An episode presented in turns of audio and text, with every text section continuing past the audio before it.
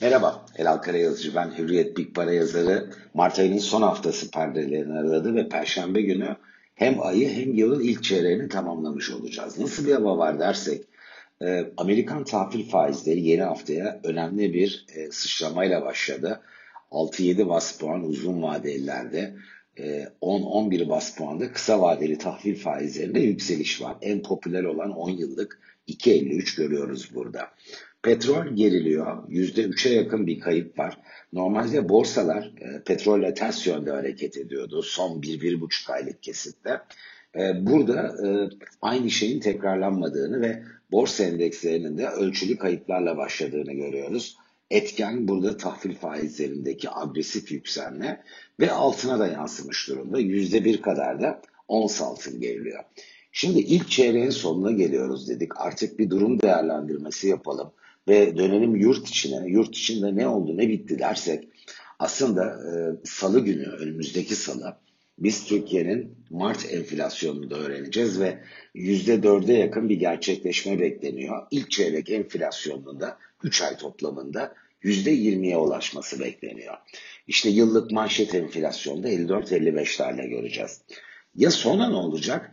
E, ba, e, yabancı ve yerli kurumların ben tahminlerine baktığımda 2022'nin sonunda yıllık enflasyonun 40-45 aralığına e, geriye, gerileyebileceği yönünde değerlendirmeler görüyorum. 50 kabul edelim. Diyelim ki 2022 yılını Türkiye'de enflasyon yıllık %50 ile noktaladı. Şimdi 20 puanlık kısmı ilk çeyrekte gerçekleşmiş olacağı için önümüzdeki 3 çeyreğe eğer enflasyon %50 bile olsa yıllık aslında 30 puan kalmış oldu. Bu demek değil ki Türkiye enflasyon sorununu çözdü. Ama tasarruf sahipleri adına bakarsak, finans cephesi adından, adına bakarsak e, o korunma refleksi, enflasyonun tasarruflarla satın alma gücünü eritmesi tehdidinde en şiddetli olan bölümü geride bırakmaya aday görünüyor Türkiye. Peki bu en şiddetli bölümde kim ne kadar hasar aldı? Şimdi ilk çeyrek %20 civarında bir enflasyondan bahsedeceksek tek tek bakalım. Dolar Türk lirası karşısında %10,5'luk artış kaydetti ve reel olarak %10 burada satın alma gücünde hemen hemen %10 bir kayıptan bahsedebiliriz. Bu dövize endeksli e, bütün ürünler için geçerli. Euro'da %7,5 TL bazı bir getiri var. Tersinden okursak %12 satın alma gücünde bir kayıp. Benim dikkatimi çeken e, Japon yeni.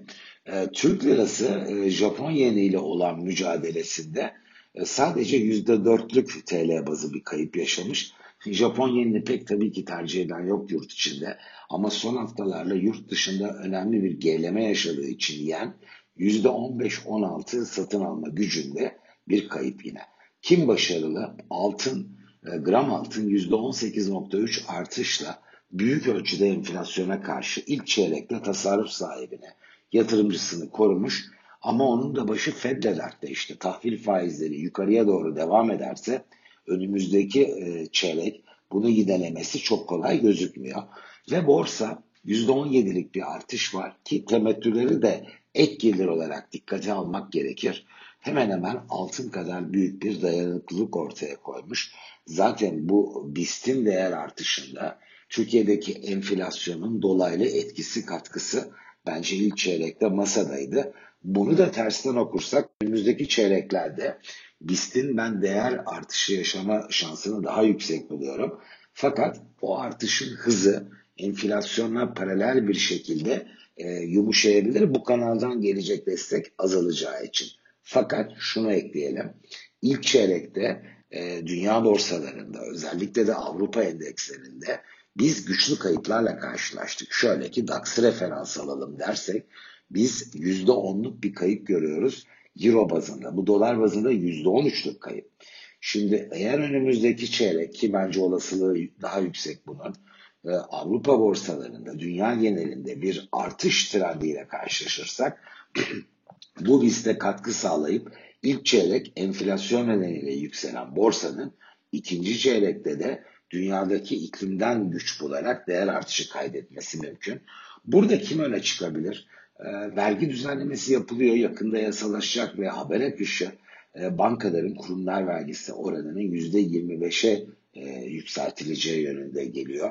Henüz kesin bir karar olmasa da e, kötü haber iskontolu fiyat anlamına geliyor. Önümüzdeki günlerde e, böyle bir gerçekleşme ve bunun etkisiyle Cuma günü gördüğümüz bankalardaki satıcılı seyrin hele de bir süre daha devam etmesi halinde ben sene başından bugüne TL bazında %7,5 artış kaydetmiş olan bankacılık endeksinde 2022'nin sonrasındaki çeyreklere yönelik e, alım fırsatı olarak görülebilecek bir tablonun önümüze geleceği görüşündeyim.